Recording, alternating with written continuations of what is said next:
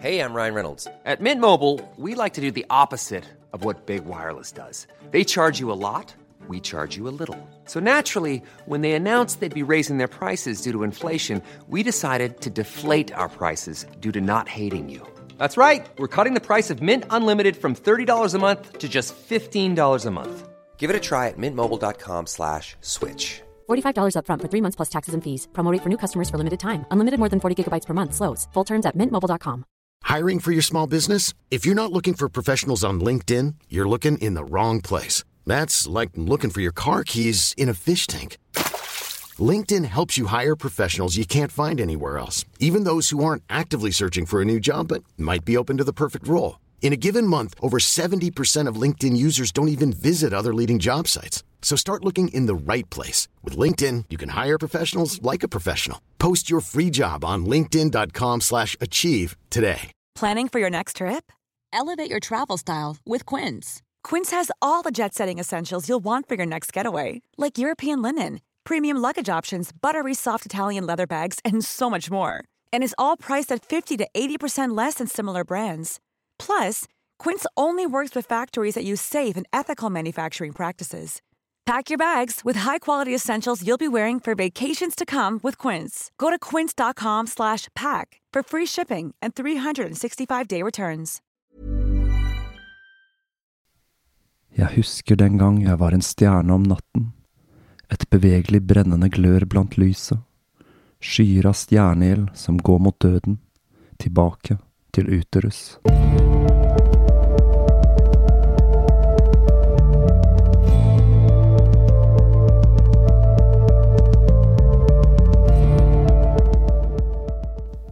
Hei og velkommen til Tåkeprat.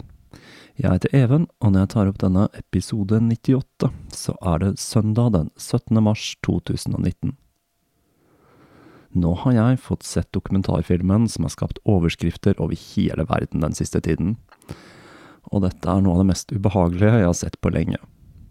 Nemlig HBOs Leaving Neverland. En dokumentar hvor Wade Robson og James Safechuck forteller om hvordan de ble misbrukt som barn av Michael Jackson. Selv har jeg aldri hatt noe nært forhold til Michael Jackson, men han var nok den største popstjernen som noensinne har levd. På høyden av karrieren så framsto han som en Messias-lignende figur, gjerne omgitt av barn, og han står bak en diskografi og en karriere som er helt ekstrem. Fra starten i Motown til monumentale utgivelser som Off the Wall, Thriller og Bad. Selv husker jeg, som sikkert mange av dere som hører på, spenningen knyttet til å se thrillervideoen på kabel-TV hos venner i barndommen på 80-tallet. Men Michael Jackson var også en superstjerne vi fikk se rakne fysisk og psykisk i full offentlighet. Gudene vet hvor mange operasjoner og underlige hudblekingsprosedyrer den mannen gikk gjennom. Og dette førte til at han mot slutten av livet så ut som en slags bisart fugleskremsel. Han giftet seg med Lisa Marie Presley i noe som fremsto som et spill for galleriet. Og når jeg ser på filmklipp av de to, så er det muligens det merkeligste ekteparet jeg noensinne har sett. Senere fikk han en sønn med Debbie Rowe i et ekteskap som var enda mer bisart enn det med Lisa Marie. En sønn Michael senere skulle gjøre kjent ved å dingle han fra en veranda. I tillegg var det en hel haug med andre eksentrisiteter, som for eksempel sjimpansen Bubbles, som han hadde med seg overalt og ikke minst det faktum at han døde som et resultat av at han måtte få anestesi for å klare å sove. Men det aller største kontroverset rundt Jackson var de to rettssakene der han ble beskyldt for å ha misbrukt barn. Den første rettssaken, i 1993, ble løst ved at Jackson inngikk et forlik utenfor rettssystemet på hele 15 millioner dollar. Noe som får meg til å løfte på et skeptisk øyebryn. I den andre rettssaken, i 2005, ble han frikjent mye på grunn av en svertekampanje mot moren til gutten som kom med beskyldningen mot Michael, og ikke minst på grunn av vitneutsagnet til nettopp Wade Robson, som nå står frem og forteller at han ble utsatt for år med misbruk av Michael. Louis Theroux uttalte at de som ser denne dokumentaren og fremdeles tror Michael er uskyldig, lever i fornektelse. Og det er noe jeg kan si meg enig i etter å ha sett hva som må kunne beskrives som en smertefullt lang og tung dokumentar. Beskyldningene hagler mot Wade og James.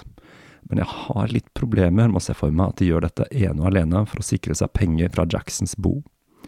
For de to de kommer til å havne under lupen og få livet sitt studert i den minste detalj. Jeg kan ikke helt forestille meg at HBO ikke har gjort et grundig forarbeid før de valgte å slippe denne dokumentaren. Om det skulle vise seg at det hele er oppspinn, så ser ikke fremtiden så veldig lys ut for de som er involvert, for å si det mildt. Dokumentaren gir et innblikk i hvordan Michael brukte stjernestatusen sin til nærmest å løfte familiene ut av det livet de levde, og inn i sin magiske, disnifiserte verden, hvor han bearbeidet barn og foreldre, og etter hvert fikk tilbringe mer og mer tid alene med barna. Det er jo grunn til å stille spørsmål ved det at en voksen mann sover med andres barn i senga 365 dager i året. Og nettopp det at ingen tok affære med dette, det sier jo en hel del om Michaels ekstreme stjernestatus. Selv så har jeg alltid tatt hensyn til argumentene til Jackson-familien. Michael hadde ingen barndom, og det han drev med var å forsøke å gjenskape en barndom han aldri hadde. Og det kan godt hende at det er en del av det hele, men etter å ha sett denne dokumentaren, så sier jeg meg altså enig med Louis Theroux. En av de kanskje mest nyttige tingene med denne dokumentaren, er at den forklarer prosessen de to har gått igjennom, en prosess som har pågått fram til i dag, og som de nå må jobbe videre med. Og nå med horder av illsinte Jackson-fans som beskylder de for løgn.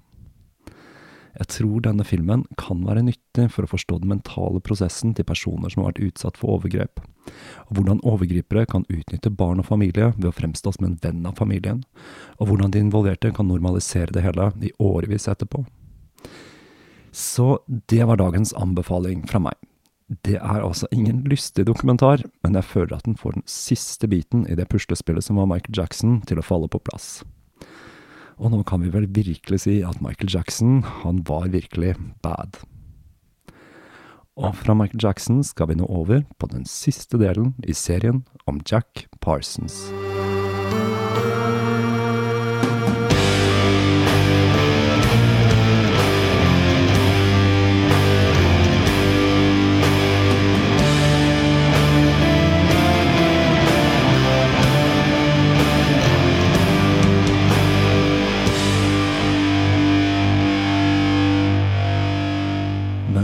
Parsons syslet med Babalon-ritualet, skulle Hubbard sette i gang med enda en av disse tingene han var veldig flink til, nemlig svindel. Sammen med Parsons og Betty så startet han et firma som het Allied Enterprises. Hubbard spyttet inn litt i overkant av 1000 dollar, mens Parsons bidro med mer enn 20 000 dollar, som var alt han hadde liggende på kistebunnen. Mens Betty, hun bidro ikke økonomisk i det hele tatt. Planen var at alle inntekter fra dette firmaet skulle fordeles likt mellom de tre. Firmaet skulle kjøpe opp båter på østkysten og frakte de til California for videre salg. Og i april 1946 så tok Hubbard med seg Betty og 10 000 dollar av firmaets penger, og så ble de borte. Ettersom tiden gikk, så ble Jack mer og mer bekymret, og han begynte å lure på om han var blitt snytt. Men rett før han skulle ut og dra på leting etter de to, så fikk han en telefon fra Hubbard.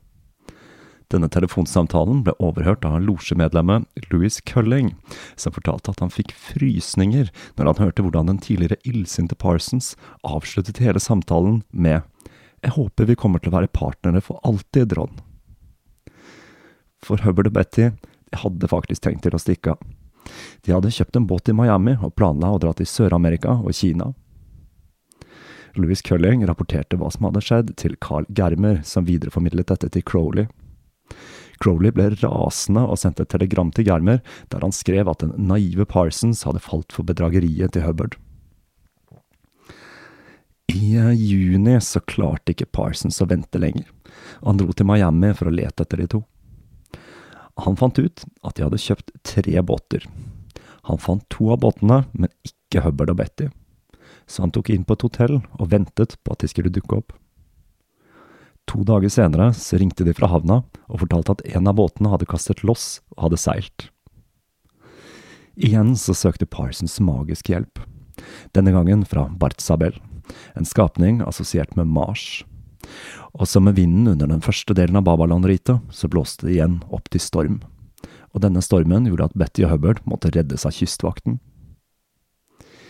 I juli så saksøkte Parsons Allied Enterprises, og retten avgjorde at Parsons skulle få to av båtene, og Hubbard skulle få den tredje mot at han ga Parsons en kredittnota på 2900 dollar.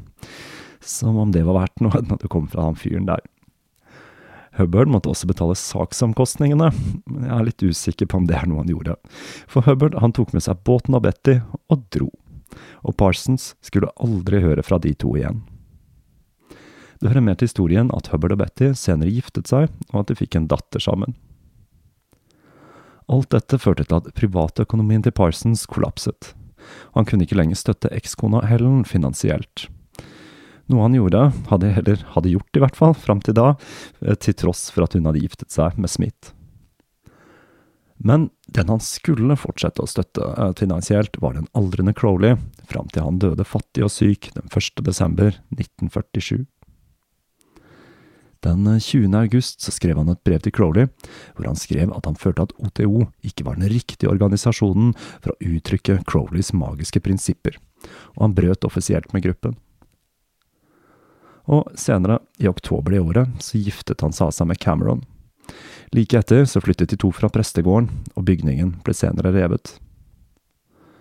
Parsons forlot jobben ved Vulcan Powder Company, og i tillegg til å drive med noe konsulentvirksomhet som sprengstoffekspert, så begynte han å jobbe for North American Aviation Corporation, hvor han skulle jobbe fram til han ble ansatt av Hughes Aircraft i 1948.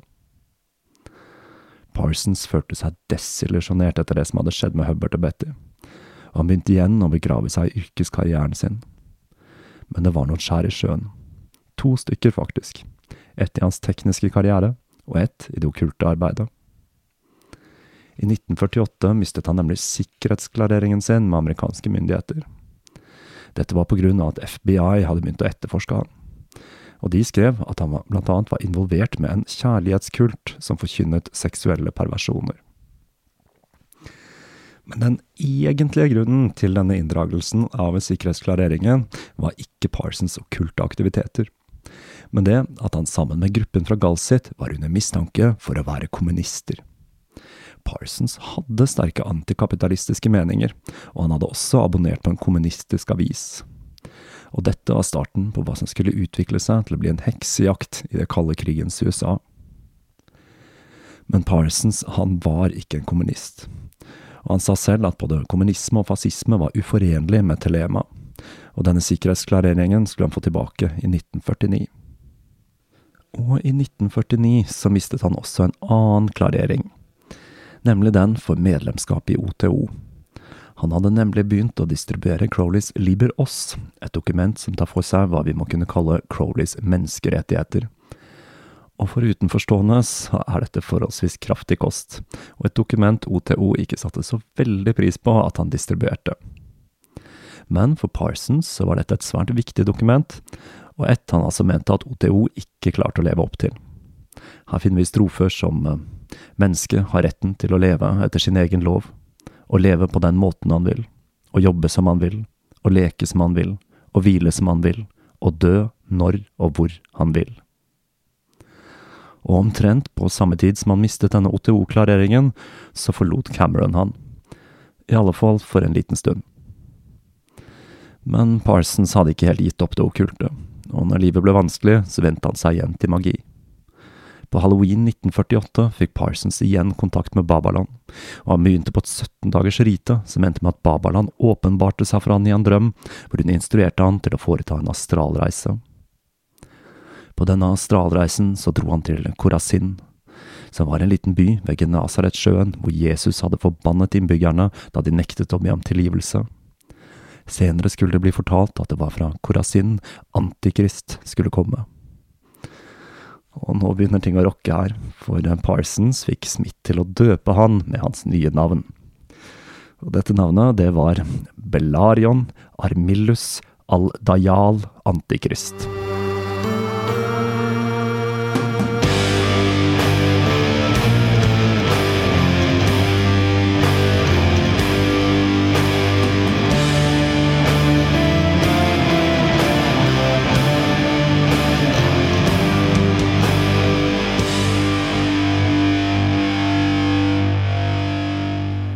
Det er navnet sitt, det.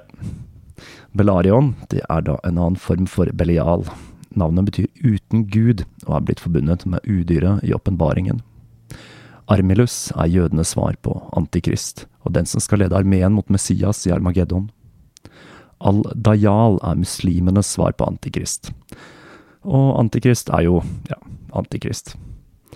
Så her er det vel ikke så mye tvil om hvilken rolle Parsons så seg selv i. Og etter å ha blitt døpt til dette spreke navnet, så sverget han eden til avgrunnen. Denne eden, den gikk som følger.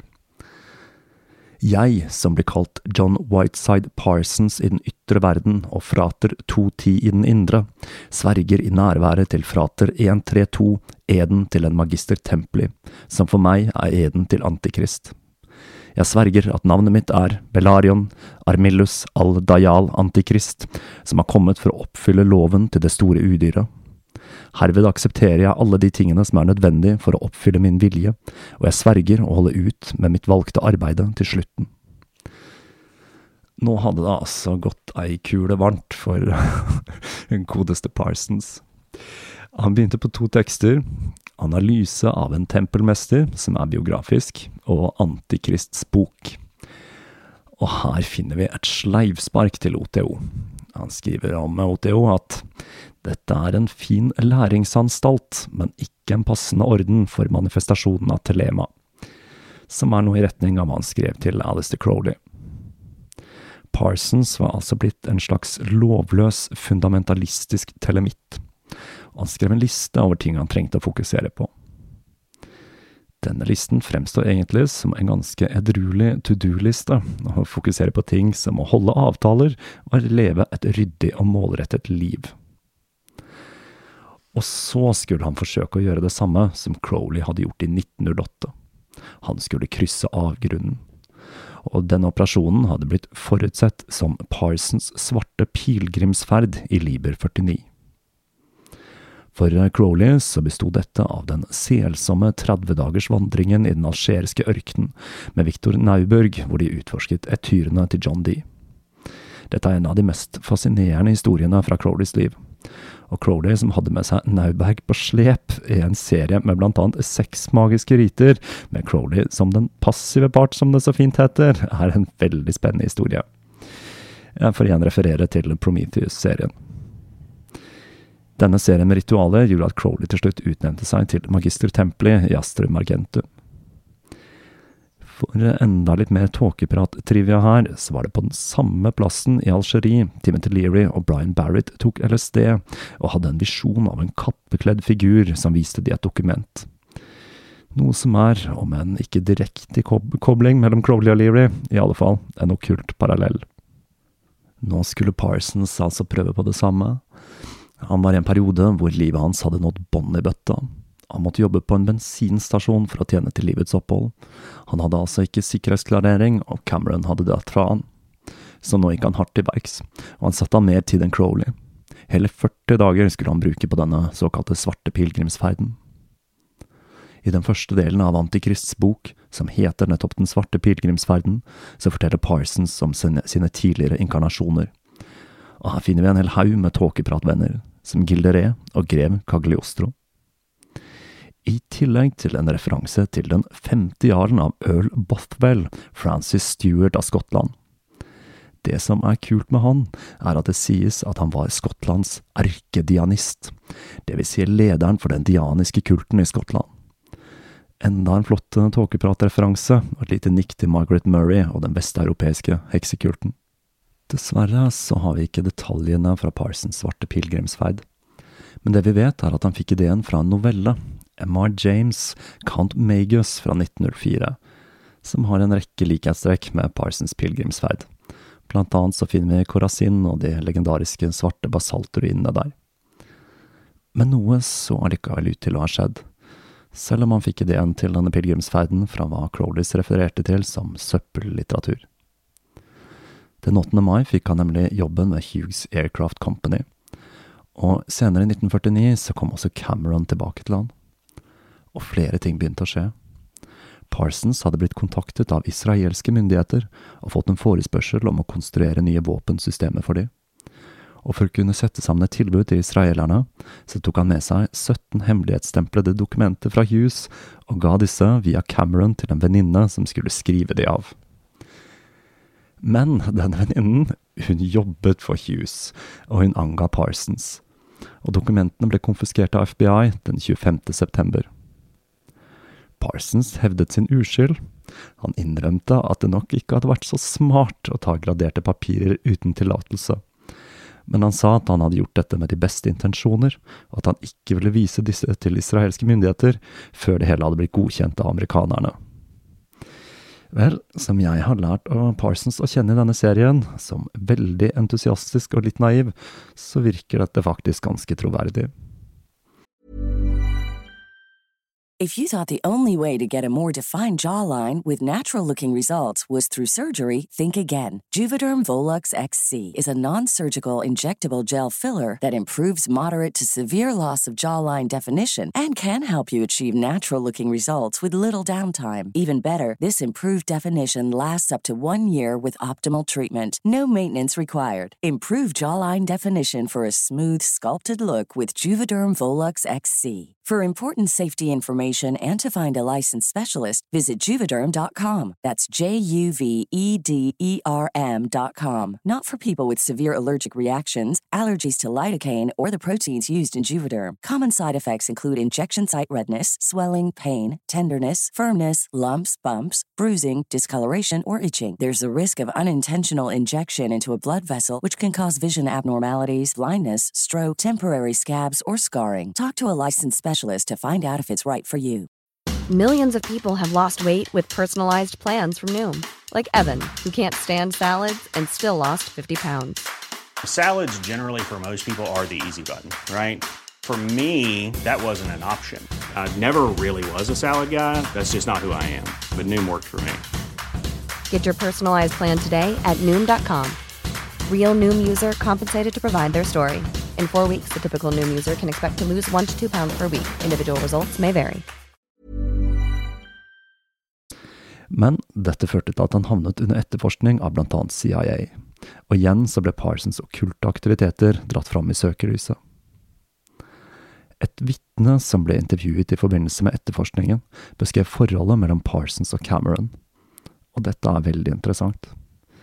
Vedkommende sa at Parsons virket hodestups forelsket i Cameron, mens hun ikke så ut til å dele lidenskapen hans. Og vitnet sa også at det virket som om det var hun som styrte forholdet. I tillegg så uttalte dette vitnet at om noen var verdt å etterforske for spionasje, så var det Cameron og ikke Parsons. Hmm. Denne etterforskningen førte til at Parsons fikk sparken fra Hughes i 1951. Og enda en spennende ting skulle skje det året. Eller spennende og spennende, det var i hvert fall en spennende overraskelse for Parsons. I vantro så skrev han et brev til Carl Germer, for han hadde nemlig oppdaget hva jeg snakket om i forrige episode. Parallellen mellom arbeidet til han og Hubbard og de og Kelly. Og han var forbløffet over likheten, ettersom ingen av de kjente til livshistorien til John D. Paret flyttet igjen, og etterforskningen av Parsons fortsatte, og flere klassifiserte dokumenter ble funnet i Parsons besittelse. Og den 17. januar ble sikkerhetsklareringen hans inndratt igjen, denne gangen for godt. Parsons og Cameron flyttet, flyttet igjen, denne gangen tilbake til Orange Grove og en leilighet like ved prestegården. Parsons fortsatte med sitt magiske arbeid, og nå lagde han kopier av Dees enokianske tablåer, og han ga seg kast med enda et stort rite, påkallelsen av den hellige skytsengelen. Eller i alle fall så var det dette han skrev i et litt snerpete brev til Carl Germer, som han ikke var så veldig begeistret for. Han hadde heller ikke gitt opp ideen om å jobbe for Israel, og han jobbet visstnok med et nytt eksplosiv han og Cameron skulle dra til Mexico for å prøve ut. Her må jeg bare presse inn litt eh, lynn i trekrem. Der skal jeg hvile i sola og prøve å komme på rett kjøl. Nå er det punktum finale, du får smøre på brødskiva di sjøl. Sjelden har vel den strofen passet bedre, selv om det neppe var eksplosiver og OTO Lynni hadde i tankene med den teksten der. Ting begynte å se litt lysere ut, og i 1952 jobbet Parsons for flere ulike selskap, Han var i tillegg konsulent for filmselskaper som trengte hjelp til spesialeffekter. Men oppturen skulle ikke vare lenge. Cameron, som var epileptiker, hadde ifølge henne selv lært av Parsons hvordan hun skulle bruke sine epileptiske anfall til astralreiser. Det er i og for seg ganske interessant, for i enkelte kulturer så er personer med epilepsi blitt ansett for å ha en nær kontakt med åndeverdenen, og ble gjerne trent som sjaman. På en av disse astralreisene så hadde hun sett en flaske med kvikksølv som var gjemt under gulvet i laboratoriet til Parsons.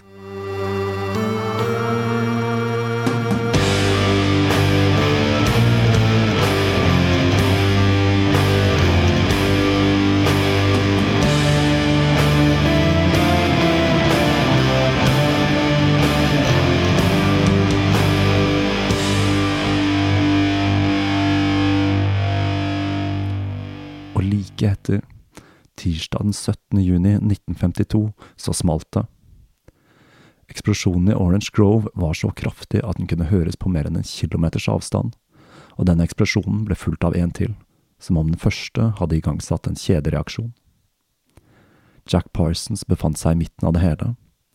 Begge beina ble brukket, kjeven blåst av, den venstre armen ble brukket, og den høyre ble blåst av så kraftig at man kun kunne finne noen små biter av den etter hendelsen. Parsons var levende og bevisst når han ble dratt ut fra ruinene av to naboer. Han ble hentet av ambulansepersonell og døde på Huntington Memorial Hospital 37 minutter etter den massive eksplosjonen. De siste ordene til Jack Parsons var Jeg var ikke ferdig. Ruth Parsons og hennes invalide venn Helen Rowan var sammen etter ulykken. Ruth drakk kraftig og tok et barbiturat hun hadde fått foreskrevet av legen. Men med nyheten om Jacks død så ble det for mye for henne. Hun ropte Jeg kan ikke leve uten han, jeg forgudet han. Så tok hun resten av pillene og skylte de ned med alkohol. Hennes invalide venn kunne ikke gjøre annet enn å sitte hjelpeløs og se på venninnens selvmord. Det finnes faktisk et fotografi av Ruth Parsons død. Og dette har jeg lagt ut på Patrion-siden, for de av dere patrions som har litt morbide interesser. Barbiturater er jo blitt en slags gjenganger her i Tåkeprat.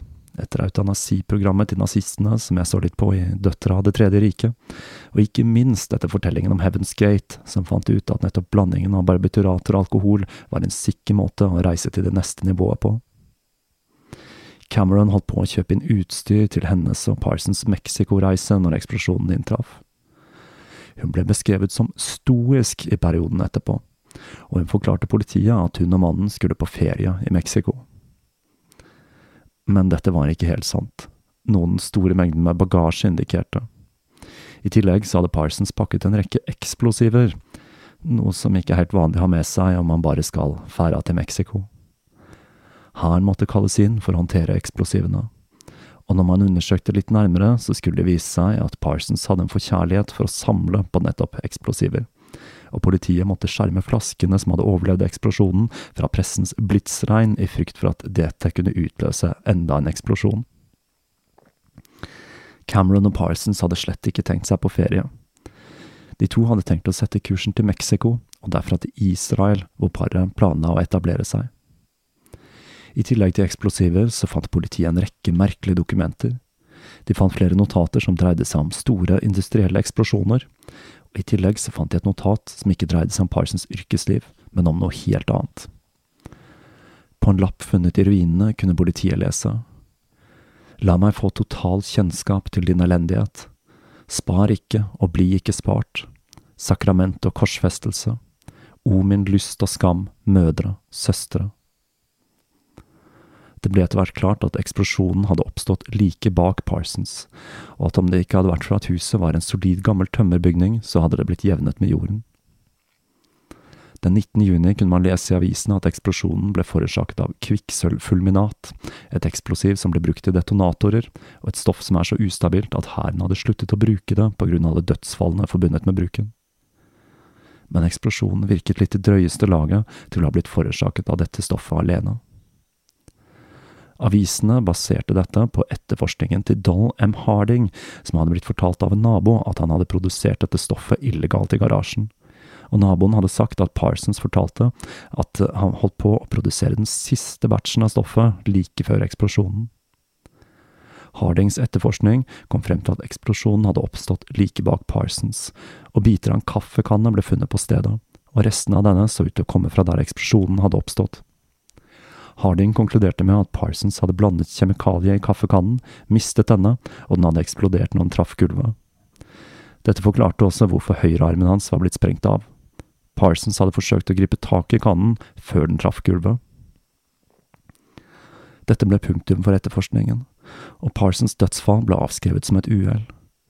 Men venner og kollegaer syntes det var litt underlig at Parsons, som hadde en så, såpass inngående kjennskap til eksplosiver, kunne være så uvøren. Samtidig så ble de litt overrasket over at Parsons oppbevarte så mange eksplosiver hjemme, noe som var ulovlig.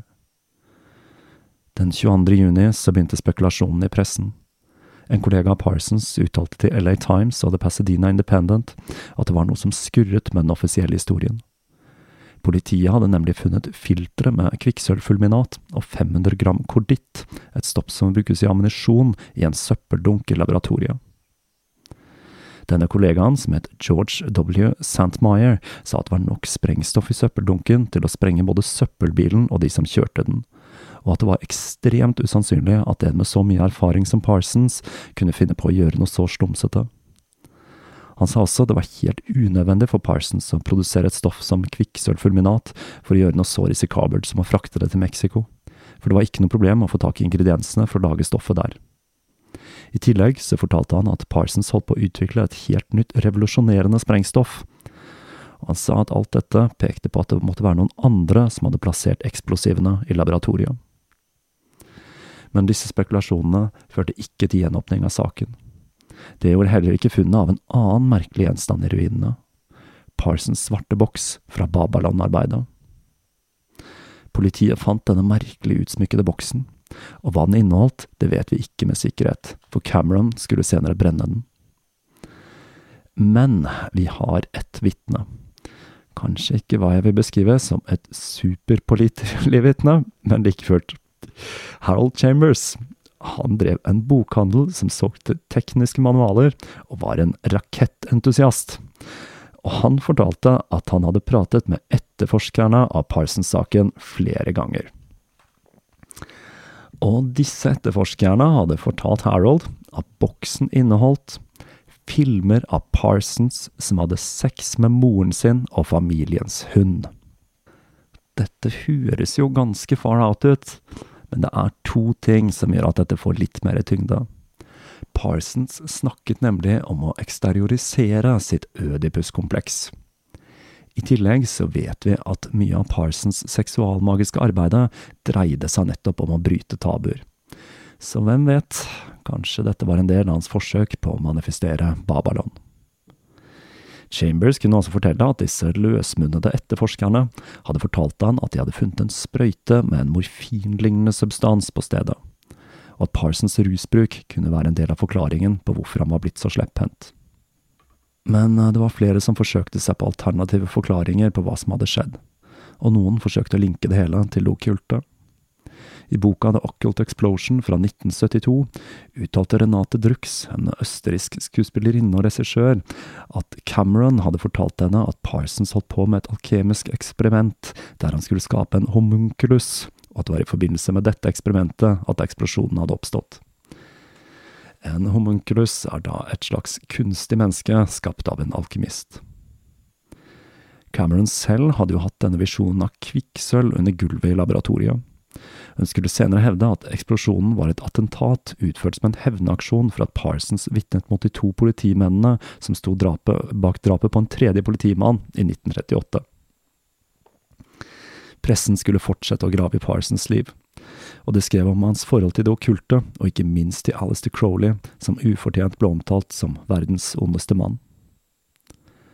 Scientologikirken skulle ta avstand fra historien om Hubbards rolle i ritualene til Parsons de forteller historien som om Hubbard blir sendt dit for å ordne opp i situasjonen i prestegården, og de insinuerer at han ble sendt dit som en marineoffiser. Ifølge syntologene så ble Crowley redd for Hubbard, og Hubbard utførte en rekke heltedåder. Han reddet ei jente som ble brukt til svarte messer, altså Betty, sørget for at gruppen ble oppløst, og sørget også for at huset ble revet. Syntologene altså. Til tross for alt baluba og alle skriveriene til pressen, så skulle Parsons få noe anerkjennelse for arbeidet sitt. Halloween 1968 ble 32-årsdagen til JPL markert med oppsetningen av et minnesmerke. En plansje med navnene til de som var med å starte gruppen, som skulle utvikle seg til å bli et av de viktigste rakettforskningslaboratoriene i verden. I tillegg skulle Parsons æres i 1972, da Den internasjonale astronomiske unionen i Frankrike oppkalte et krater på månen etter Parsons, Parsons-krateret. Han var den eneste som fikk den æren av de som var med i den opprinnelige Galsit-gruppen. Krateret ligger passende nok på hva vi refererer til som månens mørke side. Her kan det tenkes at Frank Malina hadde en finger med i spillet, for han bodde nemlig i Frankrike i denne perioden. Etter krigen så hadde han begynt å jobbe for UNESCO i Frankrike.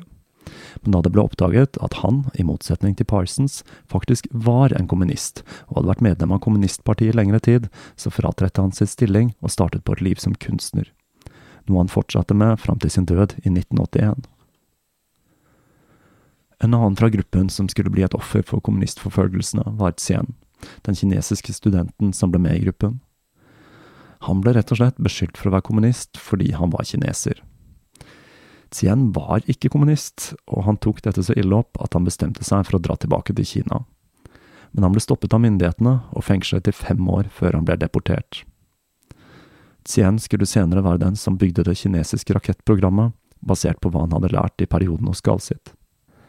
Etter krigen skulle von Karman være delaktig i å hente inn vitenskapsmenn fra Tyskland i hva som senere ble kjent som Operation Paperclip. Han døde i 1963. Helen Parsons Smith døde den 27. juli 2003. Når hun døde i en alder av 93 år, så hadde hun vært den lengst aktive prestinnen i OTOs gnostiske messe.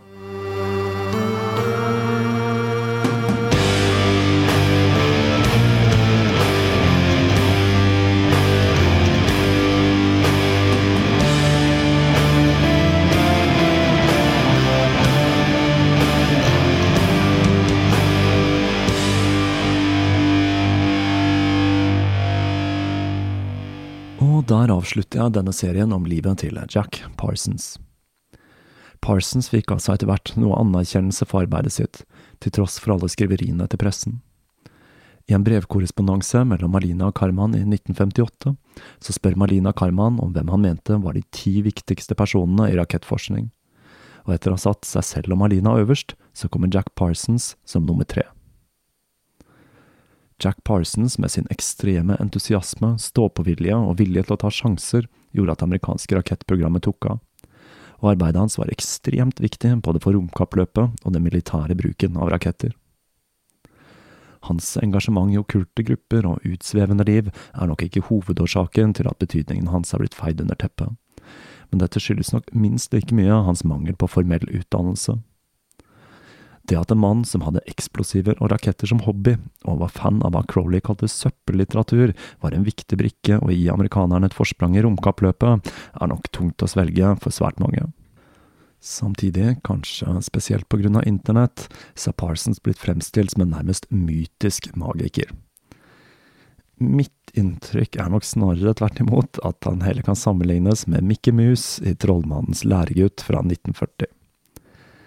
Ikke fordi arbeidet hans ikke er interessant, men fordi han i motsetning til sin ekskone Helen ikke hadde tålmodighet til å gå gjennom den nødvendige opplæringen for å bruke disse magiske systemene på riktig måte. Men han kastet seg heller over komplisert magi uten så altfor mye forkunnskap. Dette er noe som blir godt illustrert av at han ikke så parallellen mellom Kelly og Hubbard før hadde, Hubbard hadde stukket av med både Betty og pengene hans. Parsons død er en gåte. Mest sannsynlig så dreide dette seg om et uhell, men det er faktorer her som indikerer at det kan ha vært ugler i mosen. Et motiv for å ta livet av Parsons kan jo ha vært hevn for at han vitnet i 1938, men det er også en mulighet til. Parsons og Cameron planla altså å flytte til Israel og hjelpe til med å utvikle våpensystemer der, og dette kan ha skaffet han fiender som ønsket å rydde han av veien. Historien til Cameron er en jeg har valgt å tone ned i denne serien, For fortellingen om denne damen, som blir beskrevet som den dominante i forholdet, som Parsons beskrev som fanatisk uavhengig, og som tilsynelatende var uberørt av dødsfallet til Parsons og hans mor, er en jeg har veldig lyst til å ta for meg i mer detalj etter å ha jobbet meg gjennom denne serien. Nå blir det 14 dager før den neste episoden av Tåkeprat. Jeg begynner å nærme meg episode 100 med stormskritt, og jeg tenkte at episode 99 og 100 skal bli frittstående episoder, før jeg igjen kaster meg over hva som blir en av de lengre seriene i 2019. Det er også andre ting på gang her i Tåkeprat, og jeg kommer med noen nyheter til uka som sikkert kan være til glede for en del av dere som hører på. Det blir altså litt ekstra ventetid for dere som følger Tåkeprat fra uke til uke. Så imens jeg ser litt på hva jeg skal ta for meg i de to neste episodene, så vil jeg som vanlig oppfordre til å følge podkasten i sosiale medier, gi en god rating, tipse en venn, eller bli en patrion. Linker og info finner dere som vanlig på tåkeprat.com. På gjenhør.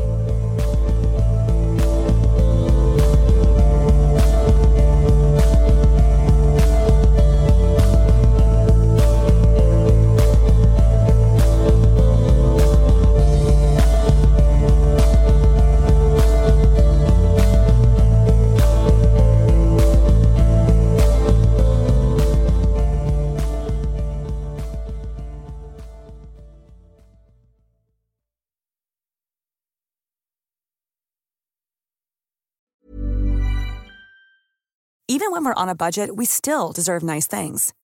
Quince is a place to scoop up stunning high-end goods for 50 to 80% less than similar brands. They have buttery soft cashmere sweaters starting at $50, luxurious Italian leather bags, and so much more. Plus, Quince only works with factories that use safe, ethical, and responsible manufacturing. Get the high-end goods you'll love without the high price tag with Quince.